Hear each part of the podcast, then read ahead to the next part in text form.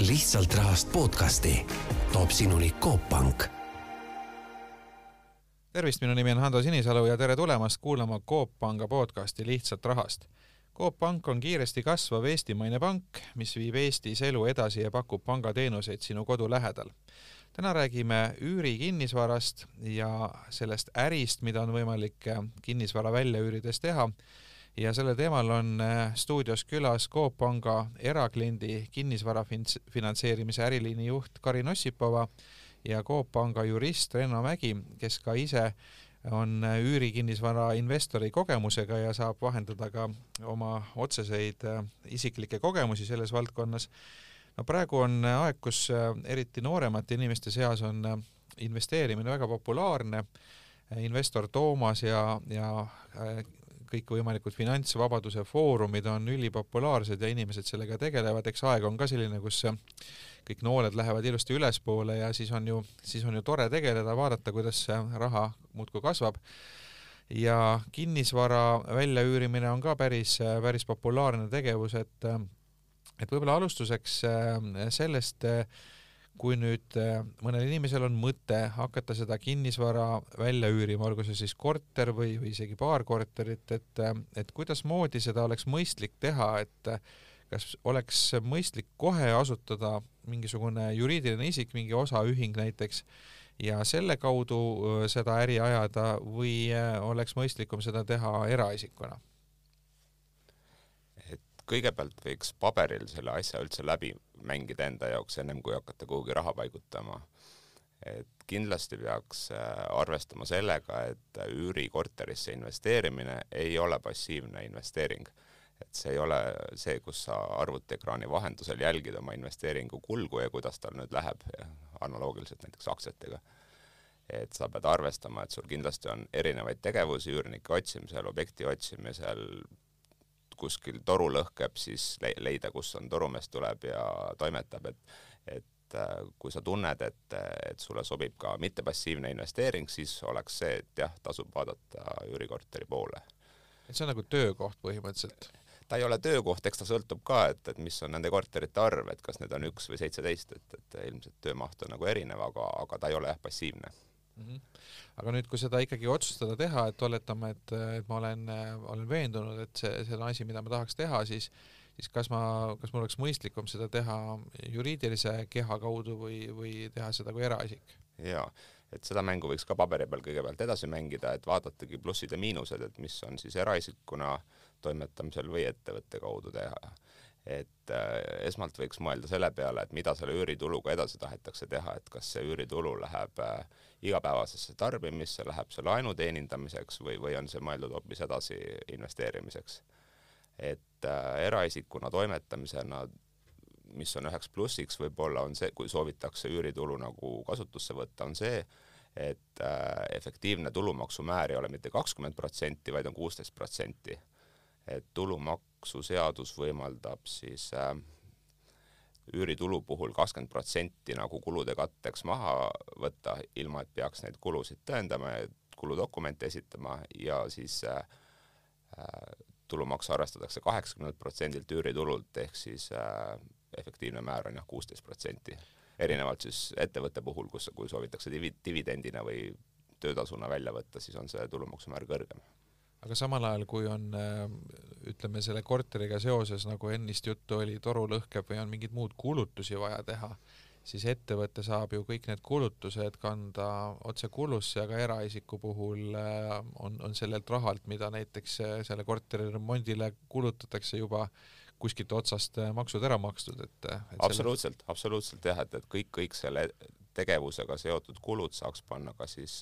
kuludesse. äh, aga peab ka arvestama sellega, et ettevõtted, kui ettevõtet investoril ei ole, et, et hakata selle jaoks, ühe korteri jaoks ettevõtet asutama, noh, mis on võib-olla sada üheksakümmend eurot, et siis on iga-aastane raamatupidamis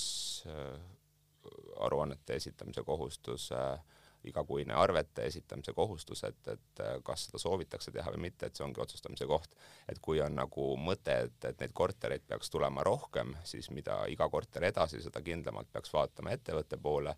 aga võib-olla esimese investeeringu puhul, esimese korteri ostmisel ei ole võib-olla mõistlik kohe hakata ettevõtet asutama, sest noh, investor veel ei teagi, et, et kas ta üldse soovibki selle tegevusega edasi jätkata, et võib-olla talle ei sobi see, et, et on liialt aktiivne tegevus.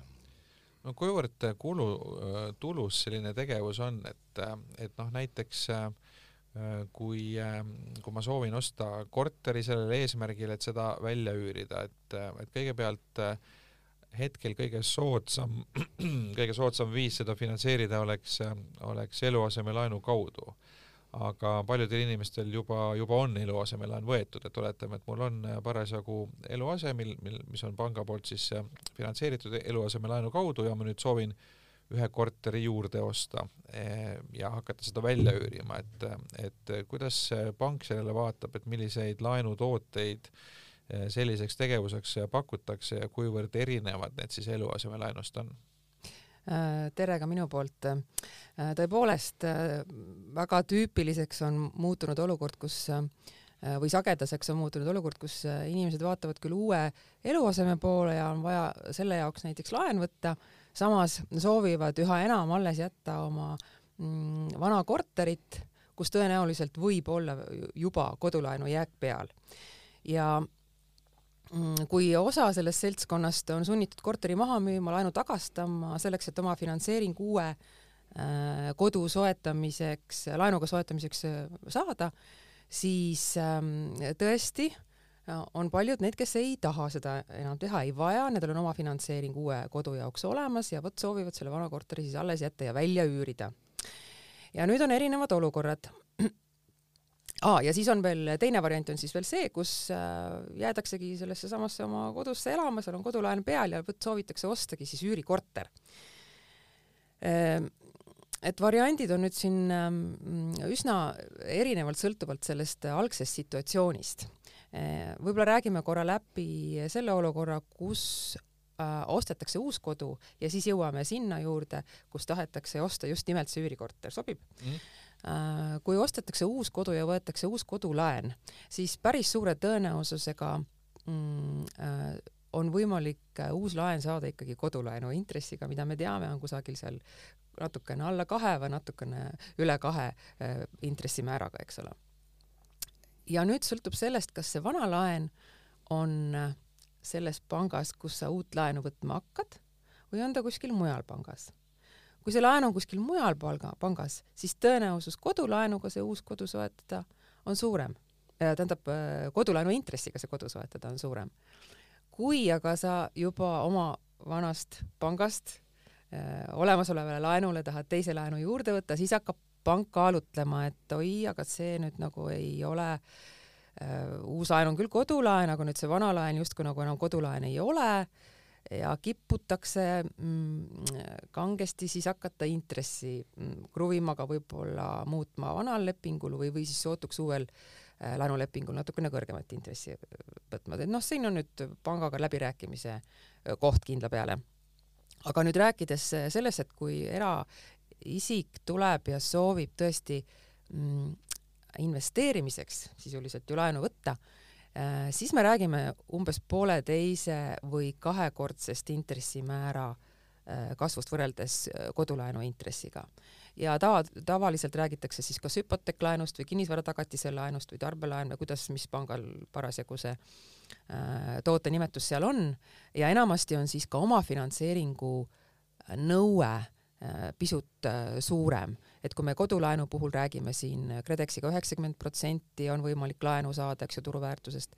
äh, kui KredExit ei ole, siis omafinantseeringut nõutakse viisteist protsenti äh, minimaalselt, äh, siis selliste investeeringu korterite puhul siis pigem juba kakskümmend ja kakskümmend viis protsenti. Aga see intressivahe siis, kui ütleme, kodulaenu puhul oli niimoodi kirvega öeldes kahe protsendi kanti, et siis see kui, kui osta äri tegemiseks kinnisvara, siis on see siis umbes äh, nelja protsendiga, et see on nagu ja no on võimalik natuke odavamalt ka saada, aga ütleme keskmiselt neli, viis, kolm pool, jah mm. -hmm. et see juba, juba sõltub, sõltub kliendist, tema taustast ka ja, ja muidugi ka sellest varast, mida ostetakse, kindlasti varast ka no kui ma meenutan nii-öelda teen siia vahele siukse väikse isikliku ekskursi, et siis minu, minu vanaisa, kes selle tegevuse eest kunagi ka Siberisse saadeti, siis tema ostis või õigemini ehitas maja, elas ise ühes korteris, osa sellest majast oli tema pagaritöökoda ja osa korterit ta üüris välja.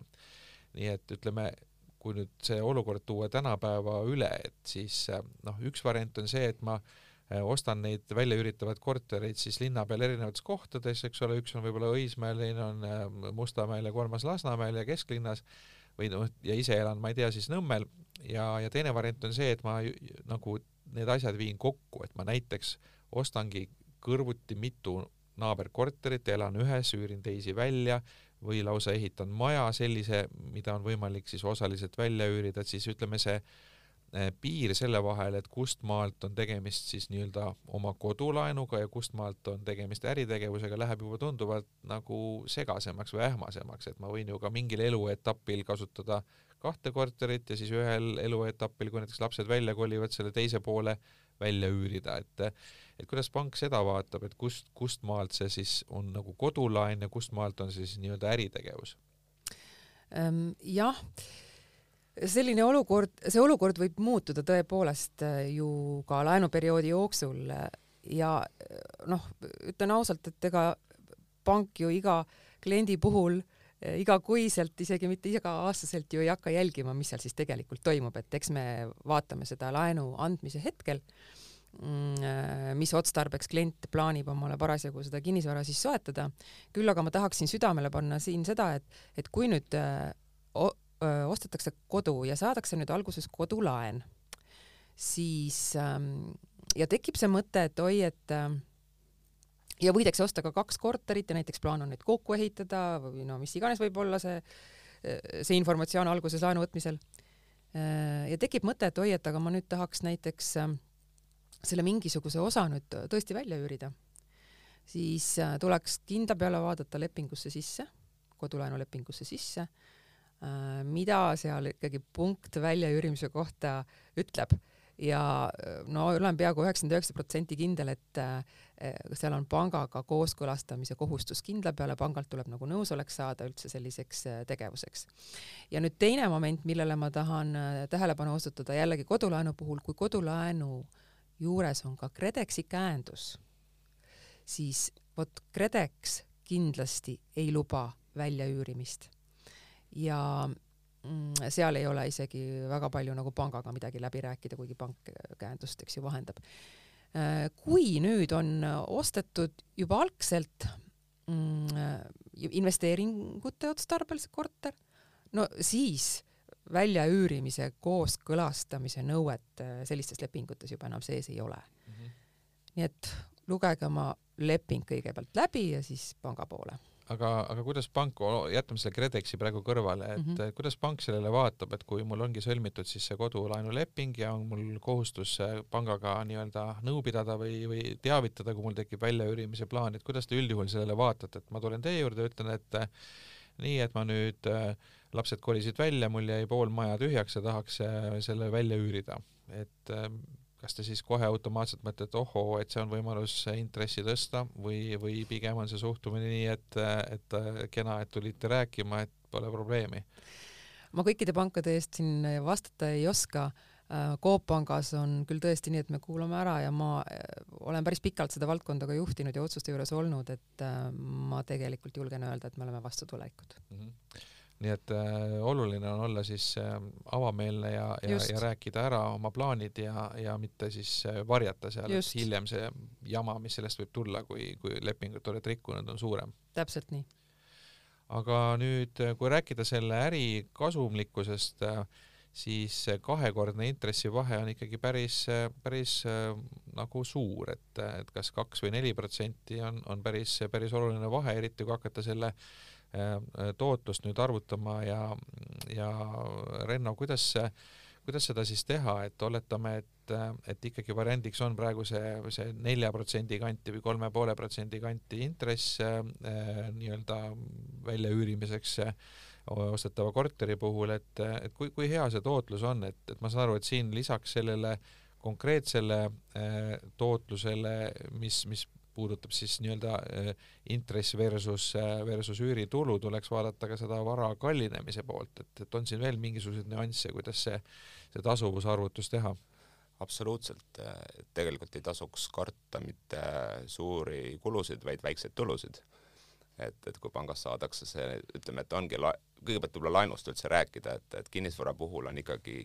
laenuvõimendus on ikkagi see instrument, mis, mis võimaldab seda tulusust oluliselt suurendada.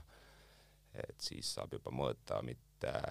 tootlust sellelt korterilt, vaid omakapitali tootlust, et kui palju siis investor ise oma raha sinna paneb ja siis milline on selle oma raha tootlus.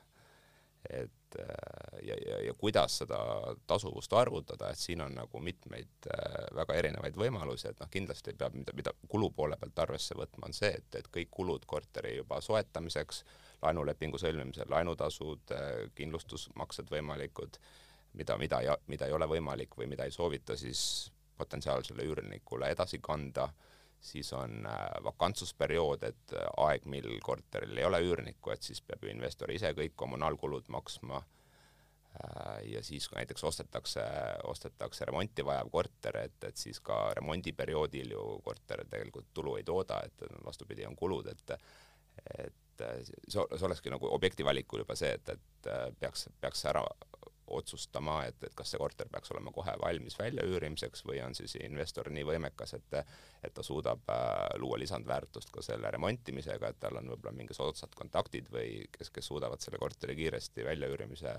valmiduseni viia. ja siis tootlusest edasi rääkides, et et on, esiteks on võimalik jah, kitsalt äh, arvutada välja, mis on selle korteri üüritootlus, et noh, näiteks võtame, et kui korter maksab sada tuhat äh, ja, ja teenitakse viis tuhat eurot aastas siis üüritulu, et, et siis on see protsent on siis, üüritootluse protsent on äh, viis protsenti. et äh, aga üüritootlus ei ole ainuke tootlus, et me nagu, nagu sa juba mainisid, et vara kallinemine, et mida kindlasti tasuks arvesse võtta äh,, et äh, noh, kunagi ei ole nagu mineviku tootlus nagu aluseks tuleviku tootluse arvutamisel, aga kui me vaatame, et kas või siin Tallinna korterid, et kui palju nad on kümne aastaga kallinenud, siis see on juba sada protsenti kuskile peale, et et äh, mida võiks siis arvesse võtta, et võimegi võib-olla mingi näite läbi teha, et, et kui meil on see saja tuhande euro eest ostetud korter ja üks variant, et äh, ja kõik, ja selle tootlus on, üüritootlus on viis protsenti ja siis, et äh, näide A, et, et kui investor ostab selle ilma pangalaenuta äh,, variant B, et kui ta ostab selle viiekümneprotsendilise pangalaenuga ja, ja, ja kolmas variant, et kui see oleks siis kaheksakümmend protsenti oleks pangalaen, et et kuidas see pangalaenu suurus siis mõjutab selle investeeringu tootlust, et ja võtame siis äh, lähtume näiteks eeldusest, et see pangalaenu intress on viis, see võib olla ka alati nagu vähem, nagu Kar-, Karin juba ütles, aga et ütleme, et see on viis. et esimesel juhul oleks siis ja, ja võtame, et vara kallinemine aastas on ütleme viis prots-, viis protsenti. et esimese näite puhul siis, kus investor laenu ei kasuta, on tal üüri, üüritulu on viis protsenti äh, ja vara kallinemine viis protsenti, ehk siis kokku on äh, omakapitali tootlus tal kümme protsenti. teise näite puhul, et kui äh, kasutatakse viiskümmend protsenti laenu ja viiskümmend protsenti omakapitali, sellisel juhul võiks olla see kogu, kogu omakapitali tootlus juba viisteist protsenti, sest viis, viis protsenti tuleks, tuleks äh, var, äh, tuleks siis üüritulult ja kümme protsenti tuleks äh, vara kallinemisest, sest me siis, me ei arvuta seda enam siis mitte korteri pealt, vaid oma, oma, omakapitali pealt, mida pannakse siis sinna korteri investeeringusse. ja kolmas näide, kaheksakümne protsendiga sellisel juhul oleks juba see omakapitali tootlus kolmkümmend protsenti. et ehk kokkuvõttes siis, et mida, mida pikem on äh, äh, mida suurem on nagu kaasatav laen, et seda, seda suuremaks läheb siis omakapitali tootlus no seda arvutuskäiku kuulates äh, tekib muidugi kiusatus, eks ole, saada võimalikult äh, väikese omafinantseeringuga võimalikult madala intressiga laenu, et see tulemused lähevad siis oluliselt paremaks, et sinu näite puhul see oma raha äh, kasutamine oli kõige ebaatraktiivsem variant sealjuures, et, et nüüd millised need võimalused ikkagi on, et et me enne rääkisime seda, et nagu olemuslikult ikkagi siis eluasemelaen on mõeldud selle kodu või eluasemele soetamiseks, kus sa ise elad, mitte äri tegemiseks. Äh, aga siis sealt edasi hakkasid nagu nüansid mängima, et, et mingitel, mingid variandid siiski on ka, on ka sealt midagi välja üürida, et noh, äh, ma praegu niimoodi võib-olla lihtsustatud loogikaga võtan seda asja nii, et ikkagi tasuks siis osta võimalikult suur eluase ja võimalikult selline eluase, mida on võimalik äh, tükkideks jagada, et sealt oleks osasid võimalik ka välja üürida, et, et ilmselt on noh, ka majade puhul, korterite puhul võib-olla vähem, aga majade puhul on ka, on ka sellise planeeringuga majasid, mis on ruutmeetrite arvult suured ja mis ongi mõeldud ühele perele, et seda ei saagi ilma oluliselt ümber ehitamata nagu tükkideks jagada, aga on ka selliseid variante, mida on võimalik suht lihtsalt äh, välja üürida, isegi nii, et seal on kõik äh, sanitaarruumid ja köögid ka olemas. et, äh, et mi, mi, mis soovitusi siin anda, et, et, et ütleme, kui, kui võtta eesmärgiks see, et ma tahaks A legaalselt tegutseda, B pangaga siis mitte lepingut rikkuda, et see ikkagi siis kasutada võimalikult madalat omafinantseeringut ja saada võimalikult madal äh, intress, äh, et mis variandid sellise nii-öelda eelduse puhul oleks? mina vastan, Renno, jah no vaata, mis sa kommenteerid selle peale siis. Äh, no jah, hea küsimus muidugi. Äh, mina tegutseks mustvalgelt, ostaks ühe, ühe või kaks väikest siiski eraldiseisvat korteriomandit ja, ja, ja äh, panga käest on võimalik saada laenu äh, kinnisvara tagatisel, mis ei ole kodulaen, makstes sisse siis kakskümmend kuni kakskümmend viis protsenti omafinantseeringut ja ja suure tõenäosusega selle neljaprotsendise intressi ikkagi kätte sealt saab ka nüüd eraisikuna laenu võttes ma nüüd natukene kaldun veel korraks äh, mõtiskluses sealt äh, võib-olla kõrvale sellelt otseselt küsimuselt, aga eraisikuna meil, me ei saa üle ega ümber mm, äh, sissetulekust ja vastutustundliku laenamise nii-öelda raamistikust, eks. ja äh, siin äh,, et me oleme rääkinud kogu aeg sellest, et et vot ostan ja teen ja olen ja võtan laenu aga et nüüd ja, ja milline on omafinantseeringa intressimäär, aga no ei saa üle ega ümber sissetulekutest tõesti. kui nüüd eraisikul näiteks puudub senine üürimiskogemus ja tema sissetulekud põhinevadki no, palk, siis ja tema palk näiteks mm, on juba ammendunud kodulaenu maksevõimes ehk et äh, selle palga pealt enam äh, ei ole võimalik muid laene anda. Äh, no siis eraisikul tekib ju mõte, et oo, aga ma ju nüüd ostan korteri, ma üürin ju selle välja ja ma hakkan sealt üüritulu saama. siis kuidasmoodi pank nüüd vaatab selle tuleviku sissetuleku peale? ega ta nagu liiga hästi eraisiku puhul ei vaata. vaatame kõigepealt, et kas on kogemust eelneval üürimisel, kui on, siis julgeme võtta arvesse tuleviku üürituluvoogusid. kui seda kogemust ei ole, siis pigem äh, ei taha me seda teha äh,. sest üüritulu äh, nagu sissetulekuna arvesse võtmisel on ka pankadel nagu omad nõuded, et seal on juba lepingud taga, et ta on juba laekunud pangakontole, see üüritulu mm, ja, ja vot sellise tulevikuplaani jaoks, kus seal varem see tegevus puudub, eks ju, vot siis pangaga kokkuleppele saada on tegelikult päris äh, keeruline, aga mitte võimatu. aga kui ma näiteks ikkagi, ma ei tea, äh, Mustamäel Tehnikaülikooli läheduses äh, ostan sellise väikse tudengile sobiliku korteri ja ütlen, et ma nagu enam-vähem võin mürki võtta, et mingisugune kolm-nelisada eurot kuus ma ikka selle pealt üüritulu saan, võib-olla isegi natuke rohkem, et et miks, miks te kahtlete selles või mis, mis need sellised noh, üks asi on see kogemus, aga räägime sellest ka, aga, aga, aga üldse nagu, kui see on hea asukohaga selline nii-öelda loogiliselt noh, nagu see näide oli võib-olla mm, -hmm. et, et mis, mis need teie sellised ohumärgid seal siis on või miks te kõhklete? Ehm, üks asi see, et, et mm, see sissetulek, mille baasilt tarbija, me räägime nüüd tarbijast, eks ju, me ei räägi vaata ettevõtjast, vaid tarbijast, äh, mille baasilt nagu tarbijale seadusandja noh, lubab laenu anda, võime isegi niimoodi öelda. Need, äh, need peavad olema nagu tõestatult jätkusuutlikud, makstud, makstud, äh, regulaarsed ja vot seda tuleviku sissetuleku regulaarsust ongi nagu hästi keeruline äh, esiteks on seda keeruline nagu tõestada,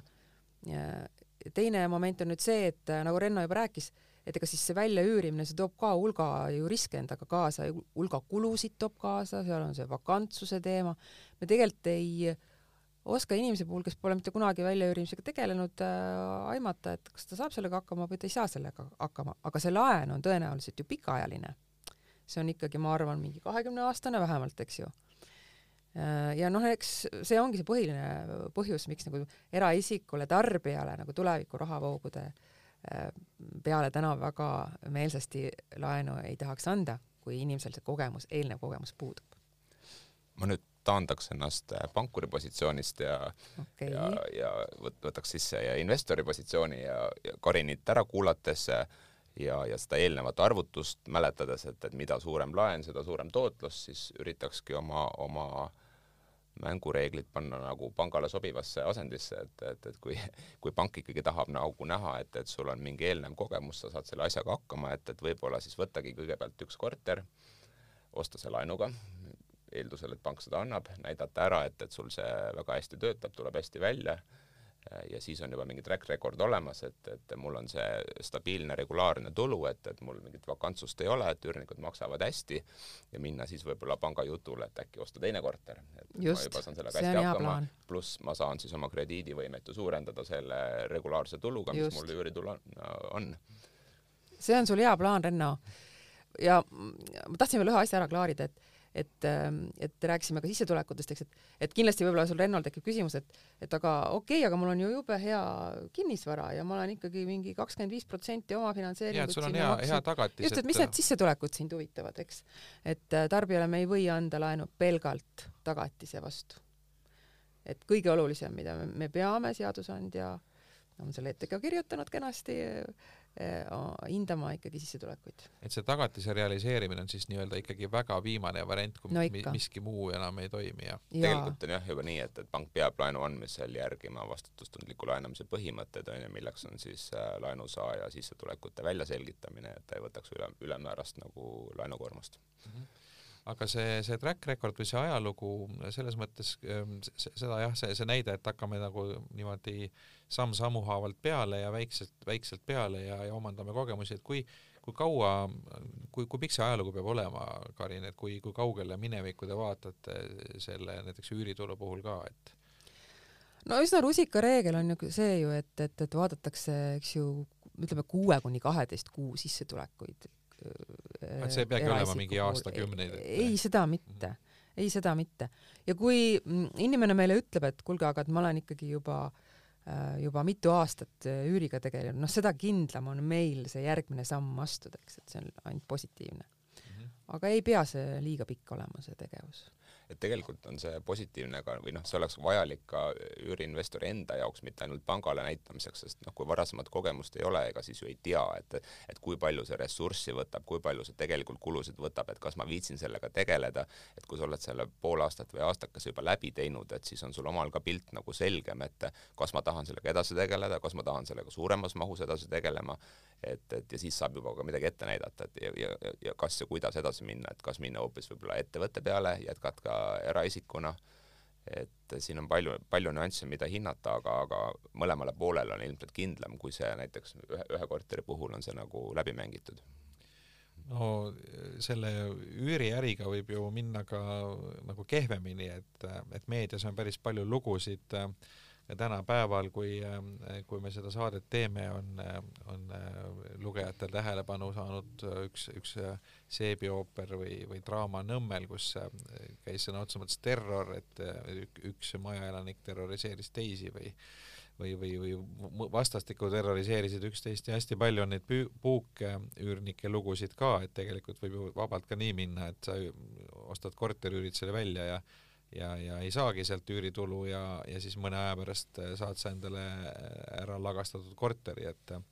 et, äh, et tegelikult seadus ju täna on üürileandja noh, mitte vastu, aga ei soosi väga seda, et tegelikult seadus kaitseb üürnikku. et kas siin on, Renno, mingisuguseid nõuanded, et kuidas ikkagi olla kindel, et, et see üürnik on usaldusväärne ja, ja kellele, kellega ei teki siis pahandusi? Jaa, kindlasti annab päris palju ära teha, et, et ei pea nagu lootma seaduse peale või et ma teen nüüd väga ägeda üürilepingu ja see nüüd mind kindlasti kaitseb, et tegelikult on ikka üürileandja nagu oma kodutöö see, mis, mis päris palju riske annab nagu maandada, et alates sellest, et, et kuidas üürnikut äh, otsitakse ja kuidas teda leitakse, et kus kohas kontrollitakse üürniku varasemat tegevust, et tegelikult on meil võimalik krediidiinfost saada päring, et kuidas on, kuidas on maksekohustusi varasemalt täidetud, see maksab kaks viiskümmend, on see väljavõte, et äh, teatud juhtudel on võimalik ka selle üüri, üürniku kandidaadi kulusse panna, et see on nagu poolte kokkulepe, et noh, tasuta on võimalik kontrollida Maksuametist isiku maksukohustuste täitmist, on, on võimalik ametlikest teadaannetest vaadata, kas isikul on mingeid kohtuasju pooleli, on sotsiaalmeedia, on võimalik guugeldada, et on, on internetis levivad blacklist'id äh, oma kohustusi mitte täitnud üürnikutest, kellega nii-öelda puuküürnikest, kel, kellega on probleeme olnud, et kui juba, juba ainuüksi need sammud nagu üürileandja läbi teeb, et siis ta on oluliselt nagu vähendanud oma riske sattuda puuküürniku kätte pluss siis on ka alati sisetunne, et, et kui sulle ikkagi inimene vaatab vastu, et mis, mis mulje sul temast jääb, et kas ta tuleb õigel ajal kohale, kui teil on mingi kokkulepe, et kas ta jääb hiljaks, et et mis, mida ta sulle räägib, et, et kas tal auto on pestud? no vot, vot see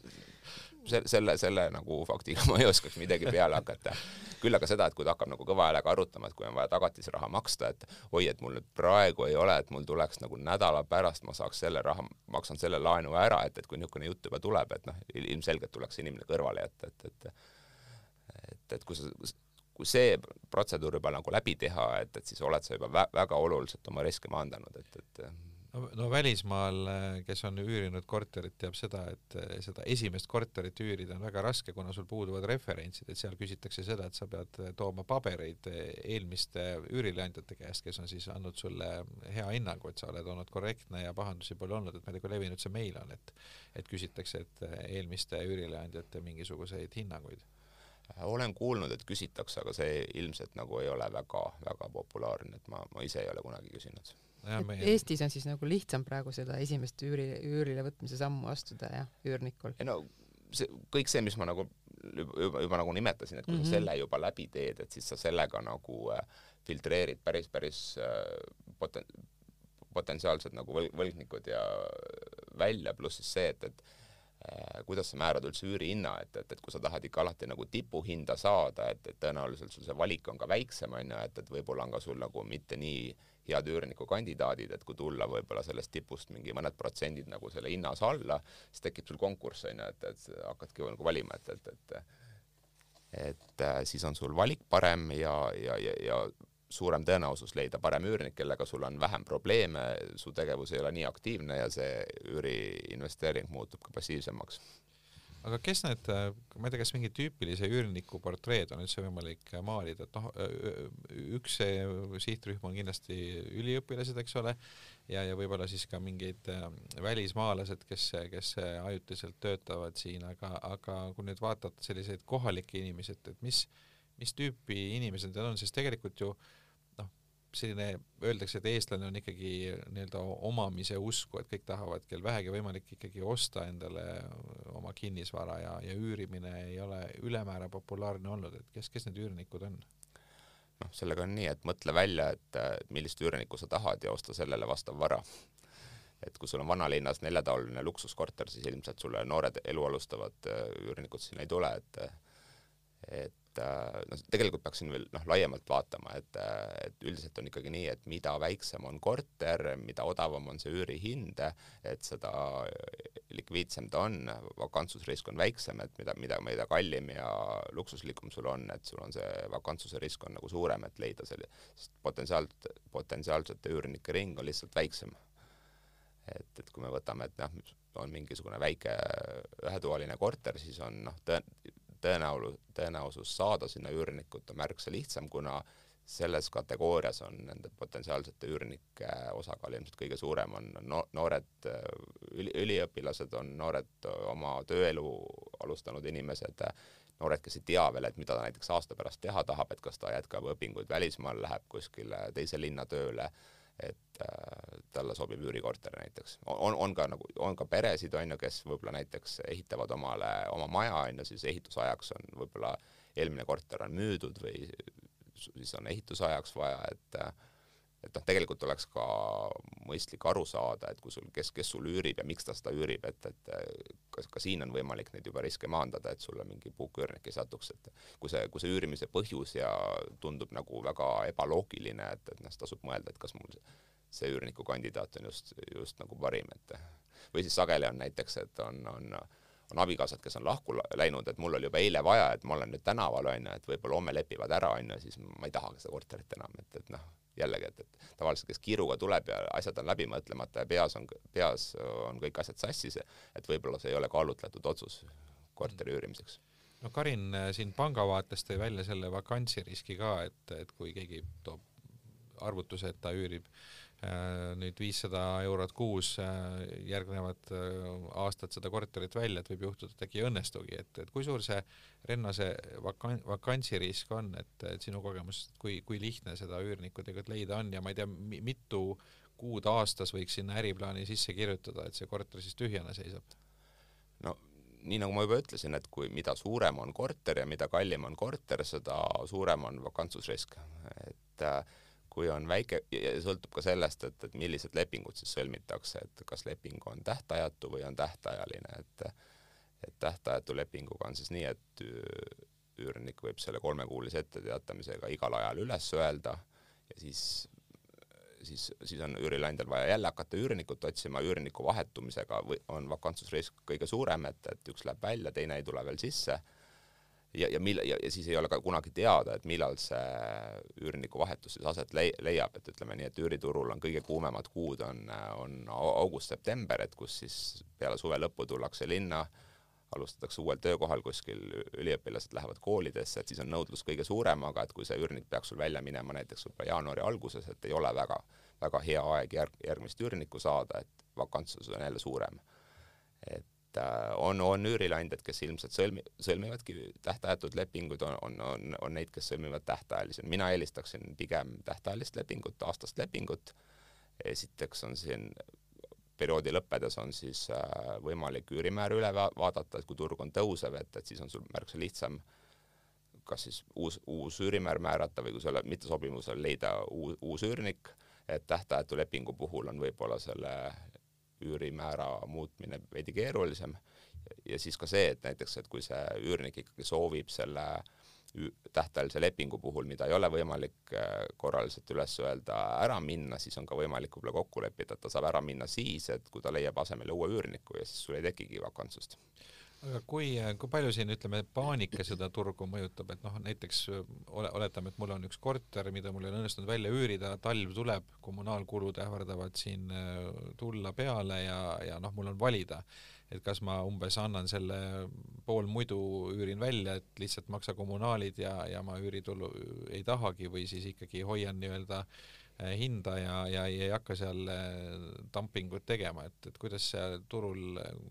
kui palju selliseid nii-öelda noh, paanikast tingitud äh, väga nii-öelda alla turuhinna väljaüürimist toimub? et mida me üldse turuks räägime, et me sagedasti mõtleme turu all Tallinnat, äärmisel juhul ka Tartut, üksikutel juhtudel võib-olla Pärnut, aga et kui sul on tõesti kuskil väikses asulas korter, kus, kus tööandjaid väga ei ole, et, et et võibki olla väga keeruline seda välja üürida ja selles mõttes see vakantsus võibki nagu olla meeletu selles mõttes, et, et, et noh, ma ei tea, mis me siiamaani oleme rääkinud, me pigem oleme ikkagi lähtunud eeldusest, et see, et see korter asub kuskil Tallinnas või Tartus, et, et, et kus on see turg on, turg on toimiv ja olemas, et, et et Tallinnas, Tartus ma ei näe, et, et kui sul on ikkagi väljaüürimisvalmis korter, et ta on remonditud, et, et miks ta peaks jääma nagu sul tühjaks, et siis on, kas hind on täiesti paigast ära või mingisugune muu põhjus, et, et et mingit, üldiselt mingit paanikat ikkagi turul ei ole, et, et sul on, sul on võrreldavaid objekte on piisavalt, et et aru saada, mis see õiglane üüritase on ja, ja sellega on alati ka võimalik üürnik leida. tagasi, tagasi pangale siis seda palli visates, et et tegelikult see, mis teid muretsema paneb, on, on mitte niivõrd see, see turg kui, kui selline, vaid, vaid selle inimese suutlikkus äh, nii-öelda asju majandada, et tegelikult kui ta vähegi kogenud on ja, ja oskab asju teha, siis seda hirmu vähemalt tänases turuolukorras, et, et see korter, mida ta siis üritab noh, nii-öelda panga abil seda äri ajada, et, et see nagu päris välja üürimata jääks, et seda niivõrd ei ole, et see risk on ikkagi selle inimese oskustes ja, ja, ja suutlikkuses seda, seda äri ajada no tõsi, kui me räägime, nagu Renno ütleski just äh, Tallinn-Tartu, eks ju, aga kui inimene ütleb, et ma ostan omale igaks juhuks korteri seal ah oh,, ütle mulle mõni hea näide, Renno. Kükametsas. Kükametsas, vaata hea näide, eks ju. selleks, et seda välja üürida, noh, siis paneb kukalt krätsima. iseasi, et see korter ei maksa muidugi ka midagi ja laenurisk seal peal on ilmselt ka väga-väga väike et seal on ka muud komponendid, et kui me ennem, ennem rääkisime, et üürid korteri tulu tuleb siis kahest komponendist, et üks on see väärtuse kasv ja teine on siis üüri, üüritulu. et, et kui sul on kuskil väikses asulas korter, kus, kus võib-olla turg üldse puudubki ja keegi väga vajab sinna korterit, siis selle nii-öelda üüritootlus võib olla seal väga kõrge, et ta võib olla kaks-kolm korda isegi kõrgem, kui on Tallinnas ja Tartus, aga see teine komponent, mis on see väärtuse kasv, et see võib olla üldse negatiivne et see sealsamas Kükametsas tegelikult hoopiski kinnisvarahinnad langevad. just, et, et ela-, elanikkond väheneb, on ju, et noh, ka kinnisvara soetamisel alati tuleks järgida, et mis selles äh, linnas või asulas, kuhu korter osta soovitakse, et mis, kuidas seal elanikkonnaga see sisse elanikkond kasvab või, või siis hoopis kahaneb no see tegelikult äh, toobki meid tagasi selle tõdemuse juurde, et et peale Tallinna ja Tartu ja võib-olla siis Pärnu ongi kõik ülejäänud Eesti asulad on, on suhteliselt kõrge riskiga, et, et, et ilmselt seal seda üüri äri ajada väga-väga võimalik ei olegi. või, või on siin siiski lootuskiiri? noh, nii ei saaks nagu öelda, potentsiaalne investor peaks tundma seda piirkonda, et kuhu ta korterit osta soovib, et kui ta on näiteks kuskilt väiksest linnast pärit, ta teab, kes seal võiksid vajada üürikorterit, mis riskid seal on, kuidas need äh,